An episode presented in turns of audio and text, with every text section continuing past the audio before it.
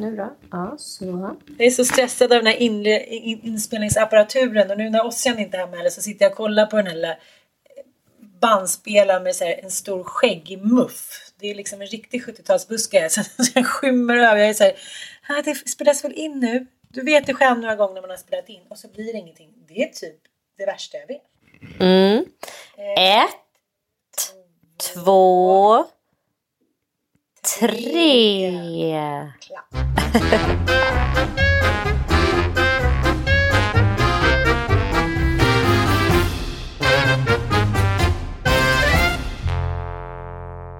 Var var vi någonstans? Nej men ett nytt liv Ja. utan barn och liksom vad.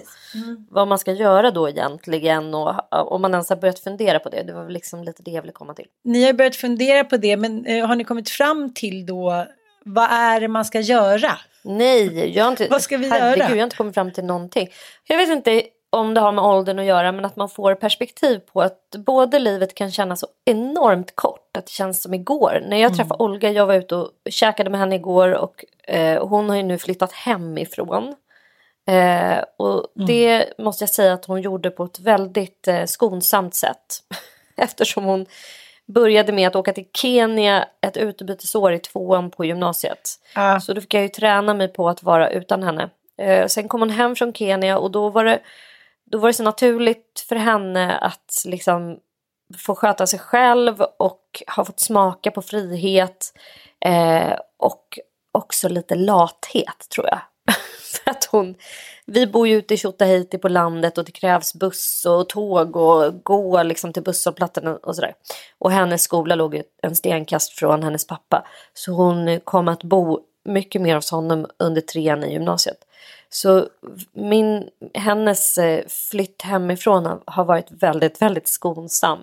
Men jag måste säga att det var en sorg att plocka ner hennes rum. Nej, du kan inte prata om det. Det gör så ont i mig älskling när du säger sådär. Och jag, Ah.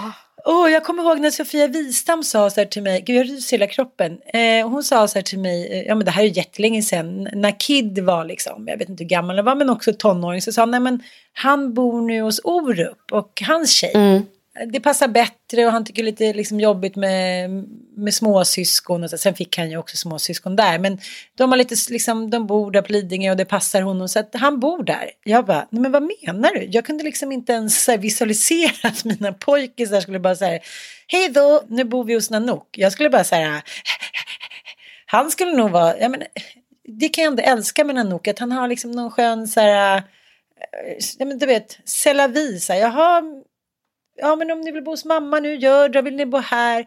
Han tar liksom ingenting sånt personligt. Nej men det, det, så, det har varit jätteviktigt för mig också att jag måste stå tillbaka. Det har hjärtat. alltså det gjorde det när hon kom hem från Kenya och framförallt så sålde hon ju sin häst då och vi har ju vårt, vårt liv tillsammans från att hon var i alla fall tio eller yngre än då har ju handlat väldigt mycket om att vi har delat samma intresse och ridit tillsammans och jag har liksom varit en ponnymorsa till henne och vi har hållit på i stallet, det har varit liksom vår tid där. Och hon sålde sin häst, tog en paus från hästarna och ja, konstaterade så här, men då behöver inte jag bo ute i Tjotahejti. Jag vill ju hänga med mina kompisar, det är mycket skönare för mig att bo hos pappa. Och då tänkte jag att så här, men nu förlorar jag henne. Nu, nu Ah. ser jag henne aldrig mer. Men det gör man ju. Det är bara det att det blir liksom ett helt nytt sätt att träffas och umgås. Och det är ju också otroligt härligt. Alltså vårat umgänge idag handlar ju till 99,9 procent om ren njutning. Allt det där som man älskar hos sitt barn tar man ju del av när vi träffas nu. Eh, men man slipper vara, jag hatar ju att vara eh, uppfostraren. Jag är helt enkelt eh, inte, vissa människor tror jag har så här lekt sedan de var barn, att de har uppfostrat sina dockor och så. Det har jag aldrig gjort. Jag har bara Nej, kramat dem, pussat dem och liksom med. älskat dem. Och legat med läkaren som typ jag gifte mig med i mammas brudklänning. Det var inte så mycket fokus på ungarna. De föda barn gjorde. Nej, var jag lekte aldrig skola med dem eller liksom att jag skulle vara sträng Nej. eller liksom hålla på och sätta gränser och sådär. Så just hela den biten att vara den där påminnaren, enträgna projektledaren som ska hålla koll på dem och se till att de gör det de ska och sådär. Det är inte en roll som jag kan säga att jag har älskat. Så det här är så befriande. Det är så underbart härligt. Nu kan jag vara där och jag kan stötta när det behövs. Men jag slipper vara gatamamma. Liksom. Jag tycker det är så jävla skönt. Så det är bara någonting annat. Men det är klart att det är skrämmande precis där i glappet. När de ska ta sina första steg ut och bara hej bye bye. Det är ju helt fruktansvärt. Det är som att Ja, men hur som helst, jag tömde hennes rum och det var också sådär extremt eh, icke-neurotiskt för att för henne var det ju en glädjens dag och bara mamma kan du skjutsa mig och jag tog min hästtransport och hon ville ju ha med sig allting i sitt rum. Det var inte så att hon bara ville nej, liksom lämna och köpa nya prylar och så utan hon bara nej jag vill ha den och den och den så att hela rummet tömde ju hon och flyttade till sin lägenhet i stort sett. Så där, där står nu hennes tomma rum med liksom ja, minimalt med grejer kvar. Hon har ju lämnat massa junk förstås som hon inte orkar packa ihop liksom. Men det är ändå så bisarrt att det numera är ett till gästrum som vi ska försöka liksom göra någonting med. Och det är en liten process för att jag vill inte liksom göra om det för mycket. Jag vill ändå att det ska vara hennes rum när hon är här på något sätt. du, de flesta, om man ska säga så här, mina kompisar som bor i mindre orter, så här, Enköping och Köping och så här, när man kommer hem till deras villor och radhus, då är ingenting undanplockat rummen är så här, precis som det var. Här är Lars-Görans parfymer. Ja, här är Philips rum och så är det så här spegelvägg, åa och lite gamla runkpapper under, under, under sängen. Det är så här att de, de vill liksom att det ska vara som det alltid har varit. Det är kanske också en generationsgrej. Men det är som du säger, vet, när Ossian flyttar ut från det här rummet, du vet, det kommer ju ta 20 sekunder, sen kommer ju det vara ett liksom, vardagsrum eller ett matrum. Mm. Det blir ju så också när man ska bo i lägenhet i stan, att man vill här, hitta på rum. Ja. för att alla ska få ett eget rum. Man bara, oj, man delade rummet, det blev inte så bra. Men det låtsas vi inte om. Så att det är också att Ossian var den som var i den här känsliga åldern som jag också tycker att det pratas så himla lite om. Att när ens föräldrar går isär, det är ju nästan inga barn som vill. Det kan ju vara barn som tycker så här, men det här, ja men klarsynta barn eller barn som kanske har mått dåligt av att deras föräldrar bråkat mycket. Och så, men, men jag och Nanook bråkade ju egentligen aldrig. Det var bara att vi växte ifrån varandra. Egentligen var vi inne i en ganska bra period när vi separerade. Så för oss sen blev det ju väldigt, väldigt tungt. Och jag tror alltså att det handlar om att jag är rädd att han ska må dåligt av en separation. Men då flyttar han ju till sitt eget liv. Han flyttar ju inte ifrån någon på det sättet. Han flyttar ju till någonting nytt liksom. Mm. Så jag, jag, tror att det är mycket känslor som ska bearbetas. det var lite roligt nu när Ossian sa att mamma och jag ska åka till Paris och fira min 18-årsdag. Då reagerade Nanook så här, men vadå, varför ska du inte åka med en kompis? Varför ska du åka med mamma? Sa han så? Jag vill det. Aha, han, tyckte, han tyckte så här, nej men nu får du ge dig. Du kan inte vara 18 år och åka så här, på weekendresa med din mamma. Men jag tyckte det var kändes också jävligt omodern reaktion. Som om att du skulle åka på en 18-årsresa med Olga. Som att någon skulle säga så här, men Olga du kan ju inte åka med min mamma på en 18-årsresa. Jag tyck, tyckte det kändes så här, att han var så jo, fast det har väl, alltså då lever väl Nanook, han kanske inte är, tillhör liksom curlinggenerationen. Nej tack. Det, på något sätt så är det ju så att så här, föräldrarna, vi, både jag och Micke har ju sagt det fram tills nu och det kommer man väl få ångra till döddagar. Det är så här, men gud, Va, vad händer? Varför, vill, varför är våra barn som blodiglar på oss? Ja, ja. Varför vill de bara vara med oss? Ja, men vi har liksom erbjudit dem eh, med våra curling skills. Liksom. Dels är det ju filmkvällar varenda kväll, det är efterrätter, det är mys. Det är liksom, vi, vi vill ge dem allt, allt, allt, allt som på något sätt själva, så som vi själva hade önskat att våra föräldrar var. Och jo, men jag säger inte att det är fel eller det är rätt. Och jag, jag tror fan i förlängningen att det skapar så här. Om Ossian vill åka med sin mamma på sin 18-årsdag. Det är väl helt fantastiskt att han har en härlig relation med sin mamma. Det kommer komma sen. Jag vill att de ska vilja både och. Att de både ska vilja åka liksom. Nej men då åker jag till liksom Berlin med en polare men sen vill jag åka med mamma. Ja, men du vet ju också min eviga rädsla att jag har fått fem söner och ingen ska någonsin vilja träffa mig när de har flyttat hemifrån. Har du en rädsla för det? Inte en rädsla, men jag har svårt att se att jag och Ilon till exempel, för, för er som vet, Ilon är min eh, nyblivna 16-åring, att han och jag ska sitta och snacka över ett, liksom ett glas vin på en parisisk taverna. Nej, men det, och Dante också. Men Mossian är så här, jag skulle kunna resa runt jorden Mossian. Mossian är en av de människor i världen som jag känner mig allra tryggast med. För att han är precis som jag. Det är som att vara med sig själv. Förutom när vi blir irriterade på varandra lite då och då. Men det är också att vara med sig själv. För att jag är precis på samma sätt. Så här. Kan du, du kan inte låna den just nu. Sen bara, okej okay, du får den då.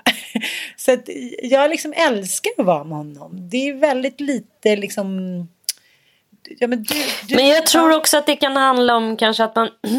det är tyvärr så att pojkar i vårt samhälle, vi fostrar ju liksom inte bara våra barn själva, även om vi önskar att det vore så, utan de fostras ju av samhället också och att pojkar inte förväntas vara ansvarstagande i relationer. Nej, och nej, det, det, kan jag ju känna lite grann med mina brorsor och mamma och sådär.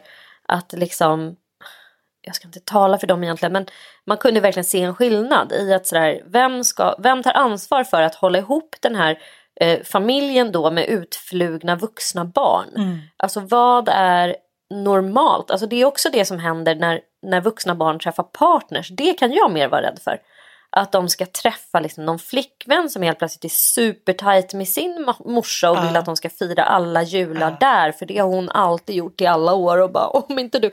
Alltså den grejen och då kommer, kommer man ju säkert ställas inför också. Ja, och då kanske man så själv måste bara, men då följer vi med till dem. Eller alltså, ja, det, det är helt enkelt ett helt nytt liv. Från att allting har varit väldigt centrerat med de små barnen även skol, barn i skolåldern så har man ju den stora makten att till exempel skapa högtider själv och hur de ska så att säga utformas. Men med vuxna barn så har man ju inte den makten längre. Man kan ju inte vara någon jävla julgeneral som bara ska bestämma att nu ska alla komma hit. Nej, men jag, som sagt nej, men, en horder av partners som också ska tycka till. Och deras föräldrar och deras syskon som kanske har egna jättestarka traditioner och sådär. Men sen måste man väl ändå säga till liksom dina barns försvar. Mm. Det är motorcyklar, det är biografer, det är Micke som är så världens roligaste fartfyllda papi. Det är du med liksom fötterna på jorden, ni, ni bor i någon herrgård. Vem fan, jag vill heller aldrig åka därifrån när jag är där. Alltså, förstår du vad jag menar? Det är, så här, det är upplagt för liksom cirkus Persbrandt Lundell. Det är liksom, vad ska de kunna till en etta i Sumpan? Alltså de kommer ju aldrig flytta hemifrån den där små shrinen. De kommer ju bara säga Tror du det? ja, men det, det är min dröm att vi ska stycka av lite tomter här och så ska de bygga hus så att man har liksom ett stenkast ja. till dem. Ja, det är för sig jättebra. Det, ja, men jag tänker också så att vi har ju en ganska vi har en väldigt, vi har ju en kultur i Sverige av att liksom, nu ska barnen flytta hemifrån och bo i sin första etta och där ska de bo ensamma eh, tills de träffar en partner och då ska de byta sina ettor till en tvåa. Så, så ser det inte ut i andra länder och framförallt så här, vi har ju ingen kultur av familjeföretagande heller i samma utsträckning. Och, och det tycker jag, det kan jag se när jag bor här ute på landet. Alltså vi har ju ett gäng bönder, massor med egenföretagare där det är så här, ja men det är klart att min son jobbar i firman och det är klart att min son har mm. tagit över jordbruket eh, och nu har börjat med en får, eh, liksom, ja men du fattar. Det, det är massa familjeföretagare här ute på ett helt annat sätt än, än vad det var inne i stan när folk jobbar med liksom, ja men som tjänstemän eller som arbetare eller vad man ska säga det, det, det är liksom en annan kultur här. Så man får väl hoppas att det blir ett litet familjeföretag. Hela gänget. Alla stycken av tomter, vi bygger hus till dem. De kommer ingen vart. Vi stänger in dem här. Jo, men jag tyckte det var ganska intressant.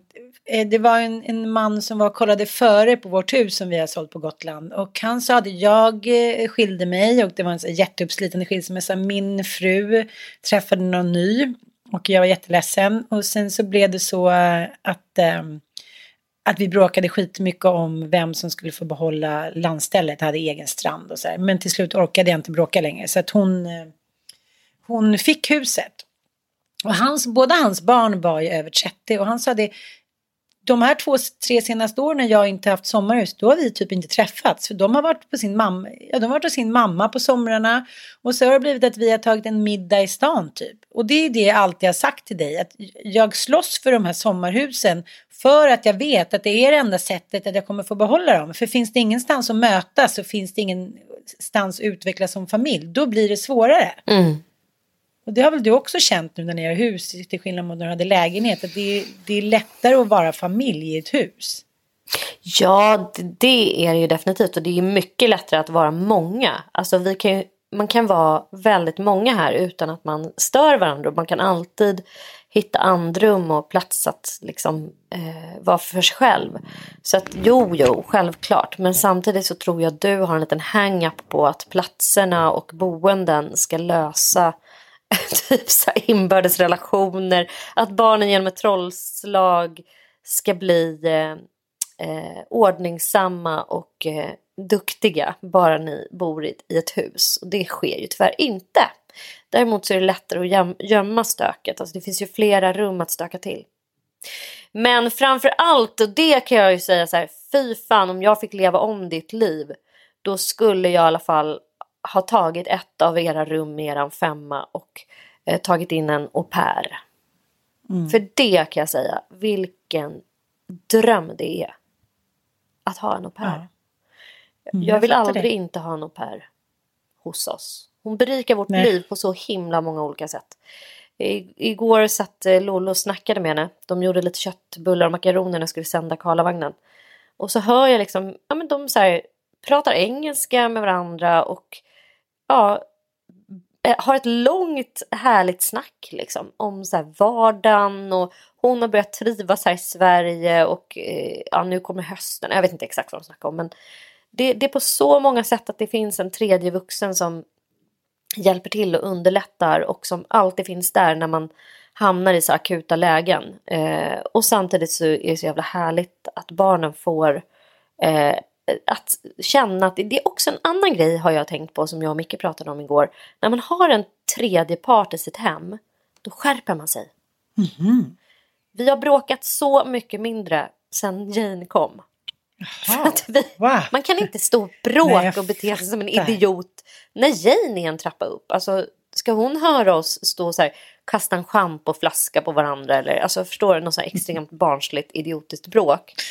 Vi har ju ändå haft vår beskärda del av sådana. Ja. Men där, nej, nej, man måste skärpa sig. Man måste vara liksom lite mera stilfull på alla sätt och vis och visa hänsyn och liksom shape the fuck up. Det är sjukt bra.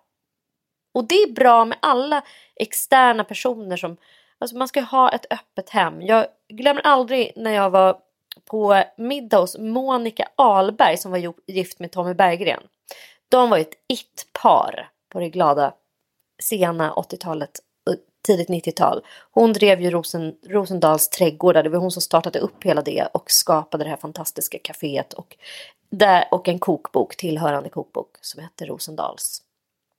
Helt fantastisk kokbok. Jag tycker fortfarande att det är eh, den snyggaste kokboken som någonsin har gjorts. Nej, jag håller med dig. Eh, Den har ju blivit ja. lite, jag har den ju hemma, den har blivit lite daterad på det sättet man tog bilder då. Men den är fortfarande helt underbar, jag går alltid tillbaka till den. Den har världens bästa recept. Jag älskar den kokboken, den är som Mm. en bibel typ. Ja, man vill lägga fram den. Den är, den är vacker, den är mumsig och det är fortfarande recept som också, jag tycker verkligen att de håller.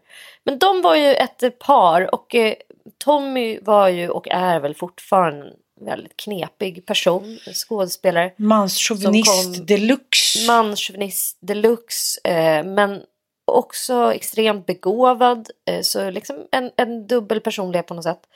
Och de blev förälskade och det enda hon sa, för när hon träffade honom i början så var hon bara så här, nej men jag kan inte leva så här isolerat Tommy, det måste du förstå. Ska du och jag dela livet med varandra då ska vi ha ett öppet hem. Det kommer alltid att vara öppet för gäster och vi kommer ha gäster i stort sett varje kväll. och han var ju så här, kom ju från arbetarklass från så här Göteborg och liksom hade aldrig haft ett öppet hem. Det var inga människor som kom och gick i det här eh, lilla slutna arbetarhemmet. Utan han ville ha liksom en sluten isolerad värld. Och det, det, det skulle jag väl vilja påstå att det också är ett ganska manligt drag faktiskt. Att många män tycker det där är besvärligt liksom. Ja. Men hon öppnade upp och eh, jag, båda de två var också väldigt överens om att det hade ja, räddat deras äktenskap många gånger. För att man skärper till sig. Man liksom, det händer någonting. När det kommer andra människor med an, annan input och man, man, man får aldrig isolera sig. För då kan man verkligen normalisera jävligt dysfunktionella beteenden. Gud ja, gud ja, det vet ju både Ja. du och jag. Ja, ja, ja, och det går snabbt. När man inte har liksom input från andra människor och när man inte... Eh, jag måste det, jag måste bolla med andra människor. Vad är det som händer både i vårt hem och i vår familj och vår relation? För familjen kan verkligen bli en farlig plats om, om den får bli isolerad. Eh, och när små, små dysfunktionella beteenden kan börja spridas. Så är det faktiskt. Nej, det är lustigt. Jag pratade med en annan, eh, vad ska man säga, litterär profil. Chattade lite med henne i förrgår och eh, hon sa att det är liksom, man blir kär i ungefär samma karar. Även om det inte är bra för en så är liksom, det är svårt att gå ur de hjulspåren man en gång har gått in i. Men där är jag i och för sig ett levande bevis på att, att man faktiskt kan byta karlaslogstyp. Eller? Ja, vi går vidare. Vi går vidare. Vi går vidare. Den här veckan har vi världens bästa samarbetspartner, nämligen Barnfonden. Ja. Berätta lite grann om Barnfonden. Ann. Barnfonden är ju en fond som eh, just nu arbetar stenhårt med att minska spridningen av coronaviruset. Och det som jag tycker är modernt och spännande och bra med Barnfonden är att de i snart 30 år har arbetat mot virus, bakterier och just vattenburna sjukdomar. De eh, har som man säger sagt jobbar mot eh, klimatförändringarna vilket gör dem väldigt moderna. Och eh, man kan också bli fadder som jag precis har blivit. Min lilla tjeja som är 11 år och eh, kommer från norra Indien. För 250 kronor i månaden så stödjer jag arbetet i ett helt område och eh, då ger den här lilla tjejen en större chans till rent vatten, god hälsa och faktiskt en bra utbildning. Så att eh, du får också brev eh, och eh, rapporter där man får följa utvecklingen i det här landet eller det området där din faddertjej eller fadderkille bor. Så att eh, det vill jag verkligen slå ett slag för, fadderskap. Det är också väldigt fint när jag, Bobo och Frasse satt och kollade på den här bilden så berättade jag att eh, coronaviruset då i Indien är ju, ja det, det har ju slagit så hårt mot de senaste månaderna. Nu är det det näst mest drabbade landet i världen och att man faktiskt kan hjälpa till. Och kan man inte vara där och hjälpa till så kan man faktiskt skicka pengar. Så är det. Om du inte har möjlighet just nu att bli fadder eller månadsgivare på barnfonden.se så tycker jag att det är på sin plats att i alla fall skänka en eh, gåva därför att Barnfonden gör ju ett fantastiskt arbete med att stävja effekterna av coronans framfart i de delar av världen som inte eh, har lika bra som vi. Och då swishar du ett bidrag till 901 30 20 och så märker du det med corona. Som sagt Barnfonden, de gör ett gediget långsiktigt arbete. Hjälp till självhjälp, hälsa, försörjning för framförallt eh, mammor då till de här barnen, ekonomi, barns trygghet och utbildning. Gå in på barnfonden.se. Unwanted family guests are like fish. They start to stink after three days. So, what's the best mattress for them this holiday season? Definitely not a Nectar.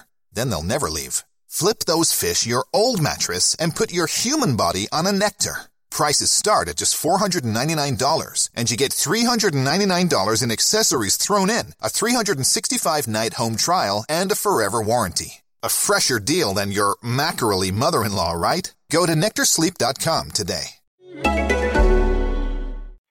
Men jag måste bara eh, prata lite. Jag eh, tycker ju att eh, Frida Boisen är en rivig tjej också om vi ska prata om riviga kvinnor. Hon eh, är ju liksom en sann entreprenör och eh, hon gör Trolljägarna och hon föreläser och hon har varit vice vd för Bonniers. Det, ja, ja. Men hon har ju gjort massa, massa grejer och nu ska ju hon släppa sin bok då. Berätta aldrig det här. Mm. Och det är lite eh, samma anda som tycker jag Alex nya bok, Överlevarna. Är väldigt många som skriver sina familjehistorier och eh, det här berättar hon, Frida Boysen då, om att hennes mamma tar livet av sig på mors dag. Mm. Mm, och sen så efterlämnar hon det här avskedsbrevet då, där det står nu fick du som du ville. Mm.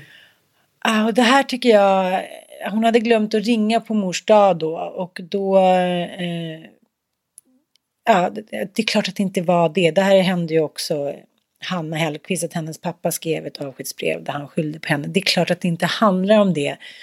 Men för mig blir varje gång jag läser en sån här historia så blir det liksom så ofattbart. och så jävla hemskt vad psykisk ohälsa kan göra med en kärleksfull och frisk människa. Jag slutar Mm. liksom aldrig chockas över det och jag pratade faktiskt med Anita om det där igår om att, att, att, att liksom ta hand om sin psykiska hälsa. Det är liksom det enda man egentligen behöver göra. Det är det viktigaste kallet man har. Att så här, för jag tänkte på min egen psykiska hälsa. Jag tänkte så här, men gud jag känner mig stark, det har jag alltid gjort. Så bara, mm, vad snackar jag om? Och så tänkte jag, så här, vad är psykisk hälsa egentligen? Vad är psykisk ohälsa? När kan man säga att man har psykisk ohälsa? Förstår lite vad jag menar? Mm. Och eh, ja, jag tycker att det är jävligt starkt att hon går ut och berättar. Hon fick ju lova sin pappa att aldrig berätta det här. Men pappan, hon har ju en annan trasig historia. Alltså pappan har ju också slagit henne. Det berättade hon ju i sitt sommarprat tror jag. Mm, mm. Eh, att liksom skammen i att ha en pappa som faktiskt misshandlar en. Och att man faktiskt ändå älskar den här pappan och, och de här extremt dubbla känslorna ska, som kan uppstå i det. Så jag trodde att den här boken skulle vara en fortsättning på det. Men då här är det någonting helt annat alltså.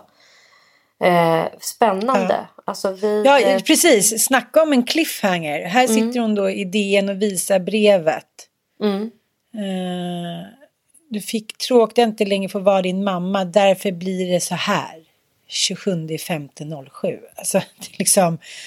Jag trodde också att hela boken skulle gå ut på att hon skulle berätta om pappans misshandel, men, men det gör hon säkert också. Men eh, Hon måste väl säkert berätta om hela sin uppväxt och sätta den i kontext till att hon troligtvis hade två ganska sjuka föräldrar då liksom. Och det, det är ju framförallt det som är så sorgligt tänker jag. Jag håller ju eh, kurser på Studieförbundet Vuxenskolan, eh, studiecirklar i medberoende. Och det är så jävla bra för mig att göra det för att eh, det är lätt att inbilla sig som sagt att man är en frisk och sund person men det, eh, man har liksom alltid sin bakgrund och sitt medberoende med sig. Eh, och i alla fall så påminns man ständigt om det att just liksom uppväxten att det är så många som normaliserar och det är så det funkar för barn. Man har bara två föräldrar och man har bara en uppväxt. Och de flesta normaliserar sin egen uppväxt och det tar det krävs ganska mycket för att kliva ut utanför och titta på den utifrån. Och vi ser ju prov på det hela tiden och jag vet ju att Alex Schulman, jag, jag undrar om det inte var Marianne Lindberg De Geer, alltså lite grann de här 40-talisterna, de här morsorna som just är de här som Schyffert kallar dem, liksom, de här icke-curlarna. De blir ju ganska provocerade ofta av de här väldigt självutlämnande berättelserna om de här självupplevda dagböckerna när man ska ut utelämna då eh, sina föräldrars eh, brister och eh, haverier. Och tycker att så här, nej varför ska man älta det och varför ska du liksom sätta henne i dålig dager efter hennes död och att man får brottas med det väldigt mycket. Det har ju Alex Schulman fått göra framförallt med sin mamma antar jag. Alltså nu, nu levde ju inte hon när han gav ut den här boken och jag, som jag har förstått det så kanske hans bröder inte var jätteförtjusta i att han gav ut den. nej. Jag tänker på Glöm mig. Men eh, han fortsätter ju ändå i samma anda. Jag trodde att den här boken, vad heter den nya, Överlevarna? Ja, Jag trodde att det var en helt och hållet fiktiv roman. nej. Men det är det Nej. inte. Nej, Nej okej. Eh, jag vet inte, jag... är- Han fortsätter. Han, han har i alla fall beskrivit det så. Och jag har hört Sigge säga det i podden också. Att det här är en storartad eh, roman. Just för att den är fiktiv till skillnad från hans tidigare böcker. Och så här. Jag vet inte om han vill, vill eh, beskriva det så för att ännu mer eh, distansera läsarna från hans verkliga liv. Eller om det, den är fiktiv. I don't know. Det står så här, tre bröder åker tvärs över landet för att sprida sin mors aska vid torpet som ingen av dem besökt på 20 år. Alex Schulmans överlevnad är en roman om att återuppleva sin barndom som vuxen. Mm. Kanske är någon, någon, någon blandning då, men, men eh, jag tycker också att det är så hemskt. Frida Boysen berättar om att, att det står då, ja, men i det här brevet, nu fick du som du ville, så här, för att hon då inte hon, såg att hon, hade, hon var på en middag och såg att hon hade ett missat samtal från sin mamma på mors dag. Så tänkte jag, men gud, nu svarar inte hon för hon ska straffa mig för att hon har ringa före. Och så ska hon då ringa till mostern och ge det här hemska beskedet. Och mostern är så här, gud, nu blev det så här för att du var så elak. Att hon liksom igen får eh, skulden, Skulden för. det här. Ja. Mm. Eh, och om vi nu ska prata lite om medberoende, vilket är väldigt lätt att bli till eh, endera förälder, just när kanske livet kantas av lite bitterhet på ålderns höst eller inte ens ålderns höst. Och eh, det här liksom, tycker jag är ett, så här, en röd tråd som, som jag ser hos föräldrar, både mammor och pappor, även om det här är välutbildade, eh, humana, supergoda, härliga, förstående människor så sitter de ofta och snackar skit om den andra parten helt öppet inför barnen. Mm. Och så undrar de lite så här, men varför, vad konstigt, nej jag, jag vet inte varför barnen tar ställning.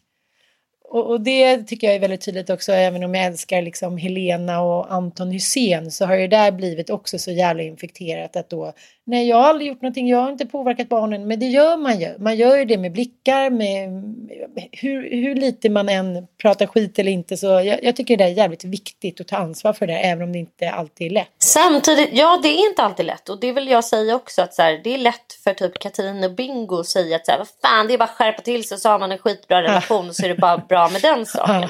Men det förutsätter ju liksom att både Katrin och Bingo är ju friska, eh, bra människor som ändå ta bra ansvar över sina barn. Men det finns ju faktiskt eh, personer som är högst olämpliga att ta hand om sina barn och som är narcissister eller som har sårat den. Alltså jag menar den absurda eh, idén om att män som har misshandlat eh, sina då fruar, flickvänner, sambos de har ändå rätt till att ha eh, gemensam vårdnad om de gemensamma barnen. För då handlar det om att man tycker att man ska skilja på föräldraskapet och eh, relationen då mellan två vuxna.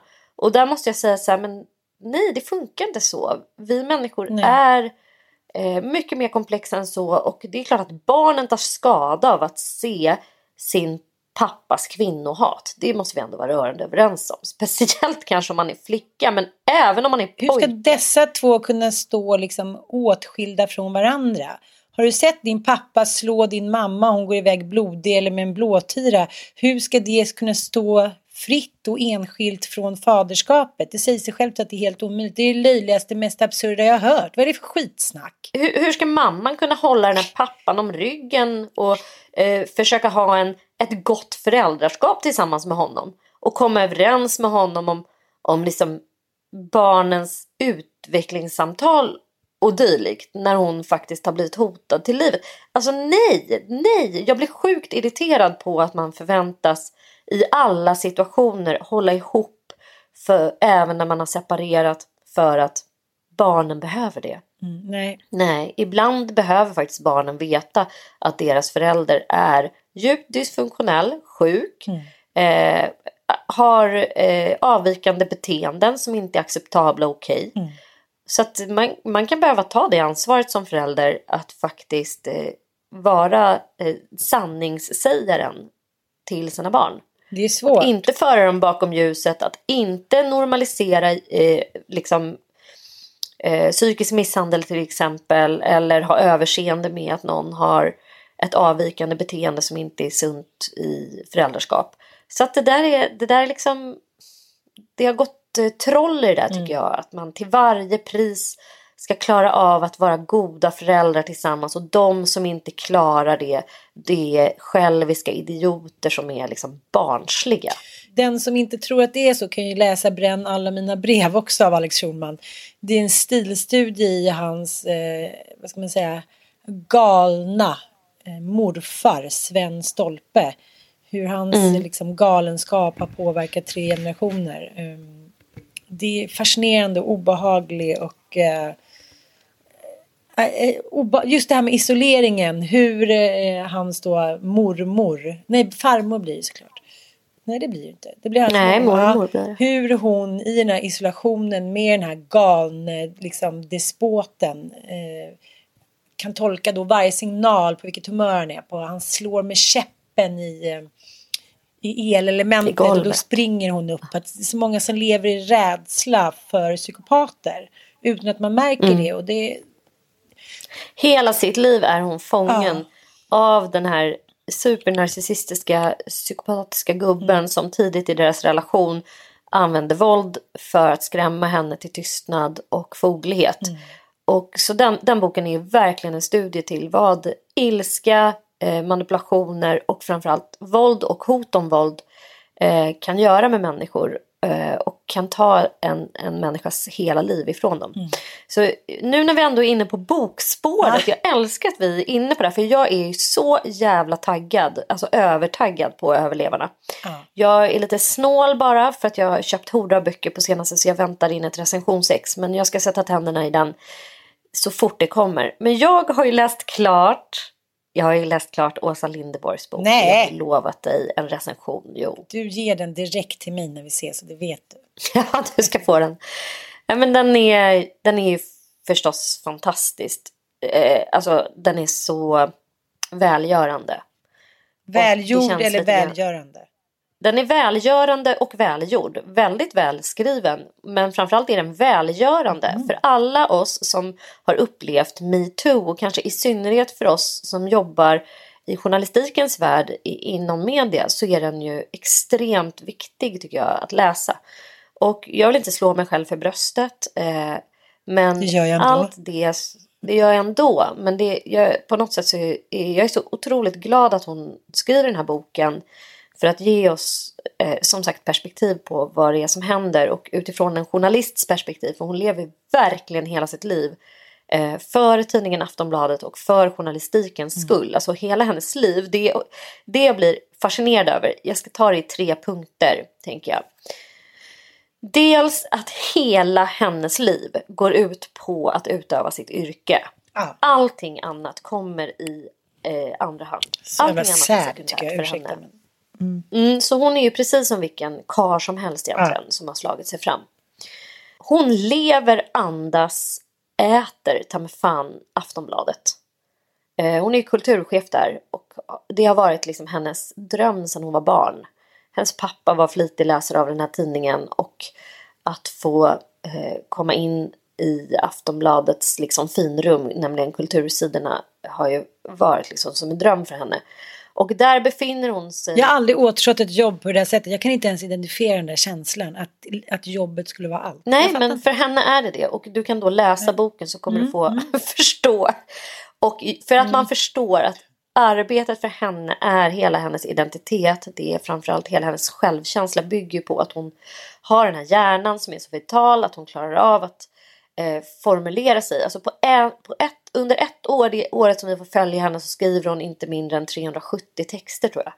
Alltså det är mer än en text om dagen. Alltså hon publiceras ju inte bara Det är Linda. Skugge. Linda ja, Skugge. och det är alltså kaliber på det. texter som är, Ja.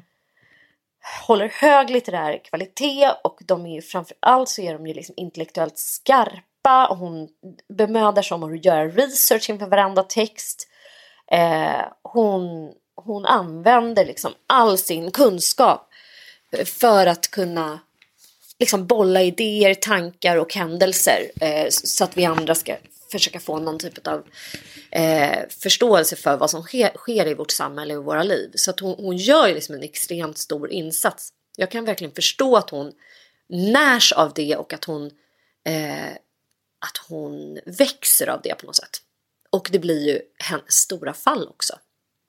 Verkligen. Mm.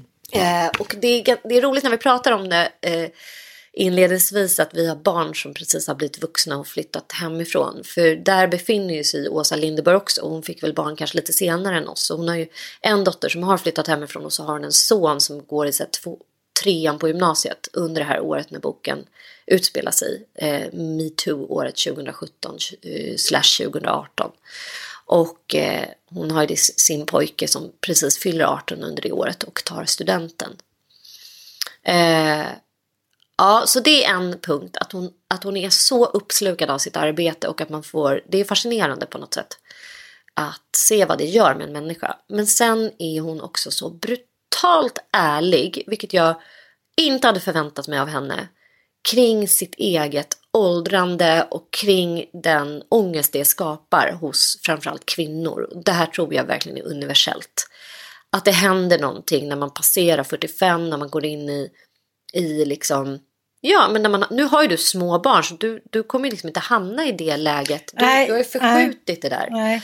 Men när man inte har det längre Precis. och när man inte är fertil längre och när man... Hon har väl kanske inte kommit till klimakteriet, alltså hon ska ju fylla 50 det året. Men det är så här, och hon blir då lämnad. Precis där och då för en yngre kvinna. Och hon vågar vara så otroligt ärlig och öppen med den skammen hon upplever i att bli ratad för just en yngre kvinna. Tankar kring sitt utseende, trots att hon aldrig liksom har ridit på att hon har varit en särskilt vacker eller utmärkande snygg person. Utan hon har ju ridit på sitt skarpa intellekt under sitt liv. Det är det som har byggt hennes självkänsla. Det är hennes yrkesidentitet som har byggt hennes självkänsla. Så kommer hon ändå inte undan att liksom den åldrande kvinnan i vårt samhälle ses som paria typ. Och det är så jävla skrämmande med den här boken faktiskt. Det är typ så här, ja det här är lite det vi har framför oss. Kul, vad mysigt att vi lever i ett sånt jävla samhälle. Ja, jag- jag, vill flytta till jag Indien. Jag vill, åka, jag jag vill bo i ett samhälle där man värdesätter äldre kvinnor. För det är ju idiotiskt, det är helt galet. Man får också det perspektivet när man läser det. Ingen är ju så klok, livserfaren och har så skarpt intellekt som kvinnor över 50.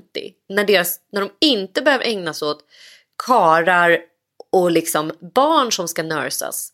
De har ju tränat upp sig i liksom som, på så många olika nivåer av eh, kunskap, eh, skills och eh, intellekt är, är fulländat i den åldern. Så att det är liksom helt, det är vansinnigt att det ser ut så i vårt samhälle. Men så där måste jag säga att jag blev slagen till marken av hennes enorma ärlighet kring de här känslorna av att bli lämnad och vad det innebär för henne. Och det, jag, jag vill våga påstå att det är verkligen en universell känsla. Liksom.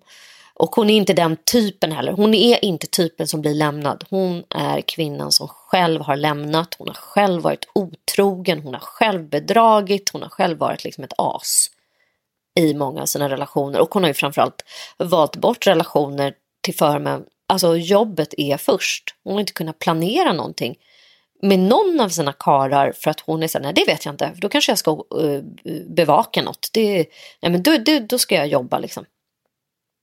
Men det tredje är ju hennes klarsynta eh, tankar om metoo. Och också den enorma eh, dubbelheten i att hon själv bidrar till kanske den värsta publiceringen av dem alla, nämligen den om att Benny Fredriksson skulle vara en despotisk chef men framförallt ha drivit en av sina medarbetare till abort. Eh, det här är ju en publicering som hon då ligger bakom. Eh, det är inte hon som har skrivit rubriken, det är inte hon som har satt den på löpet, men alltså hon är ändå ansvarig för den.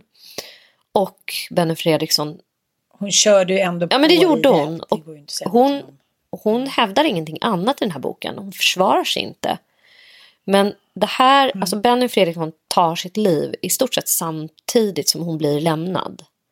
Och alltså det bemötandet hon får liksom av både människor i hennes egen bransch men också av läsarna. Liksom. Det vet ju jag som har skrivit Aftonbladet kolumner att liksom, efter en kolumn har man 500 mejl av galna människor. Oavsett om man inte liksom har tyckt till någonting särskilt vasst. Men Åsa Linderborg har ändå då orsakat en människas självmord eh, utåt sett. Så att hon får ju så fruktansvärt mycket hat liksom. Eh, samtidigt som hon själv blir då lämnad av en man som hon älskar och absolut inte vill bli lämnad av. Det är ingenting som har tagit slut emellan dem eller någon passion som har falnat. Att det är liksom, ja, under senaste året har det inte varit särskilt bra utan det här kommer som en blixt från en klar himmel. Hon är så otroligt ärlig med sin sårbarhet och hur någon som utåt sett är så jävla stark ändå eh, kan visa sig så skör och så svag. Liksom. Något väldigt mänskligt. Jag blir väldigt tröstad av att läsa den här boken på något sätt. Det är intressant att du säger det för den har ju också fått väldigt mycket kritik för att vara någon form av liksom skylla ifrån sig försvarstal. Så här. Jag blev som alla andra, där Karin Olsson som är krönikör i, på Expressen skrev så här, ja men ur boken då, jag blev, jag blev som alla andra, jag rycktes med. Det här är citat då, det visar lite grann på revolutionens kraft. Alltså lite som att det var inte hon egentligen, det var alla vi andra och att hon ens har skrivit den där abortgrejen, det, det, det kommer hon inte ihåg, skriver hon ju. Jag, nu är jag rädd för mig själv, jag har inte bara skrivit, jag har dessutom glömt bort det skriver hon ju bok. Ja, men hon... Ja, äh, nej, att, jag håller inte med Karin Olsson där. Jag tycker inte alls att hon försöker försvara nej. sig. Utan hon försöker förklara vad det är som händer på det här jättestora tidningshuset Aftonbladet Schibsted under metoo. Att de inte klarar av att hantera, framförallt så är det ju Virtanen, det är deras egen, eh, det är deras egen anställda person som är eh, liksom utgångspunkten i metoo. Det är ju Cissi Wallin som öppet går ut och outar Virtanen som våldtäktsman. Och det här måste Schibsted förhålla sig till och Aftonbladet. Vilket de inte gör. De får liksom beröringsskräck för det här ämnet och håller därför tyst. Medan alla andra, samtliga andra stora tidningar, Expressen, DN och Svenskan hakar ju på det här tåget och väljer då olika stories som samtliga blir fällda för i, av pressens opinionsnämnd. Så det som händer under metoo utifrån ett journalistiskt perspektiv är en katastrof. För kvinnor och för den lilla enskilda människan så skulle jag vilja säga att metoo verkligen var en revolution. Men för de stora mediahusen så var det en katastrof. Och att någonting kan vara både eh, heureka och liksom fantastiskt samtidigt som det är ett stort brott liksom mot framförallt vår yrkeskår eh, som drog sig själva i smutsen och som misslyckades med att rapportera om metoo på ett vettigt sätt i eh, jakten efter klick, i jakten efter läsare så göttade vi till det på ett sätt som inte enligt de pressetiska reglerna är okej okay och aldrig kommer bli och bidrog till att Sverige blev ett rättsosäkert samhälle. Och det det redogör hon för på ett jävligt klarsynt sätt i den här boken. Så att alla som är intresserade och som fortfarande inte förstår varför det är farligt eh, att outa en icke-dömd person kan med fördel läsa den här boken. För då kommer man att förstå varför det är farligt. Och hon dras med i det där. Hon gör det, den egna tidningen. Du vet, de blir ju om, de, de blir liksom omgådda av Expressen. Och det har aldrig hänt. Men det händer under metoo för att metoo skriver om Martin Timell, de skriver om Fredrik Virtanen, de skriver om allt det här. Men Aftonbladet gör det inte och det är då de tappar huvudet och börjar skriva om Benny Fredriksson. Och, eh, så det handlar till syvende och sist bara om att de själva inte klarar av att eh, hålla sin upplaga och att det finns vinstkrav bakom det eh, som hetsar dem till att göra då de här extremt osmakliga publiceringarna om Benny Fredriksson. Så att boken har liksom många bottnar, den har liksom en hög eh, intellektuell höjd, den har en fantastisk, tycker jag, så allmängiltig, tröstande känsla för eh, att, bli, liksom, att bli lämnad, att vara den, den som blir över. Liksom. Och känslan av att bli äldre i vårt samhälle liksom, som kvinna, att, eh, hur, hur det är. Jag, jag tycker den är jättefin. Du ska få läsa den. Det ska bli härligt att höra vad du tycker. Jag skulle också vilja slå ett slag för att eh, jag tycker att det är jävligt skönt när kvinnor vågar vara mänskliga. Att så här, okej, okay, jag kanske inte var så himla perfekt. Eh, jag gjorde bort mig. Jag, jag skäms för ditten och datten. Men någonstans så gör jag mitt bästa. Jag är en bra mamma. Jag, jag är lojal, jag är en schysst kompis. Jag, här, jag, är, jag, har många bra egenskaper men det här var ett år där mycket gick åt helvete. Och jag kan känna igen mig där att man så här, det händer saker i ens privata sfär som gör att man tappar omdömet kring det mesta. Och det är nästan som att man blir liksom, eh, man får en kidnappad hjärna, att dessa saker och ting sker och man fattar inte riktigt hur det har mm. hänt. För att man är så inne i de här traumatiska sakerna man har varit med om så att man går nästan lite på autopilot. Så man, man, jag kan ändå förstå det hon säger att hon inte, även om det är ifrågasatt att det är trovärdigt att hon inte kommer ihåg att hon har skrivit det, så kan jag ändå förstå att hon kanske inte gör det. Ja, jag kan verkligen jag förstå kan, det. Jag kan nämna alltså, ett par händelser senaste ja. året jag känner så här, nej men gud, var, var det jag som, men gud, men gud vilken galenskap. Att så här, man tappar liksom kontrollen över hela situationen på något sätt. Kanske bara för en kort sekund men det är ändå ödesdigert. Liksom. Ja, men framförallt kan man ju fråga sig, alltså hon, hon är kulturchef men hon är inte ansvarig utgivare. Varför, varför lät ansvarig utgivare eh, de här texterna komma igenom. Det, det är det som är den ansvariga utgivaren på en tidning. Det är därför man har rigorösa utbildningar för personer som ska bli ansvariga utgivare som ska läsa liksom, regler och lagar kring vår eh, pressfrihet och tryckfrihet och yttrandefrihet och eh, se till att då olagliga publiceringar inte kommer igenom. Och, så det, det kan inte hon skyllas för. Att det, är hon, hon ska inte, det är klart att hon eh, ska bära ansvaret över eh, hur den här texten formulerades och den kanske bristfälliga researchen som gjordes. Men, men hon redogör ju också för exakt hur det, här, hur det här reportaget kommer till och vilka det är, källor det är som ligger bakom och sådär. Så, att, ja, det, den är jättespännande och den är, den är spännande även om man inte är journalist tycker jag. Jag tycker att den hon har ju också blivit så här, Eh, de, har ju raljerat framförallt Martina Montelius och eh, Brodrich, vad heter hon, Gunilla Brodrich, de har ju en podd liksom att de så sitter och garvar åt att, eh, att Åsa Linderborg liksom bara har massa manliga polare, att hon är en typisk så här tjej som inte har några eh, tjejkompisar utan att hon, att hon är så här, omger sig bara med massa män. Och det är bara så här, nej det gör hon inte alls det. Alltså om man verkligen läser eh, innan, innan till. Alltså hur hon träffar, det, det, det slår mig väldigt mycket. att Hon umgås något helvetiskt med människor. Hennes eh, dag, kvällar efter arbetstid så går hon en promenad med Oshin Cantwell. Sen tar hon en kaffe med eh, Dan, alltså det är olika så här, kulturmänniskor som hon umgås bara i den här lilla klicken med liksom likasinnade i stort sett. Det är lite så här tycker jag, kanske lite så här eh, Göran Greider och hon skriver en bok. Alltså hon, hon, sitter, hon har ständiga liksom, möten med Lena Andersson. alltså du hör ju. Det är nästan lite parodiskt att det bara är likasinnade personer som sitter i här, Stockholms kulturelit som hon umgås med, träffar, bjuder på middag, äter mat med, lunchar med, promenerar med, går och tar ett glas med. Eh, ett extrem, extremt umgängessug har hon. Men det är inte så att hon umgås mer med män än med kvinnor. Men det vill man gärna få att framstå. Man vill liksom skylla hennes metoo-kritiska blick på att hon mer skulle vara en så här pojkflicka som gillar att vara en bland grabbarna. Nej, det är inte det mm. det handlar om. Man måste hitta ett, ett skäl. Ja, man måste hitta ett skäl till att hon ja. vågar vara kritisk och ifrågasätta. Liksom. Ja. Nej, men det är bara för att hon är en sån där som bara gillar att umgås med mm. karar. Liksom. Man, kan, man, får, man får inte bara vara mest. Nej, hon är, hon är osysterlig för hon, hon står inte ut med kvinnlig konkurrens. Liksom det är det som är kontentan och det är bullshit. Hon umgås med precis lika många kvinnor som med män. Eh, så det är inte det det handlar om.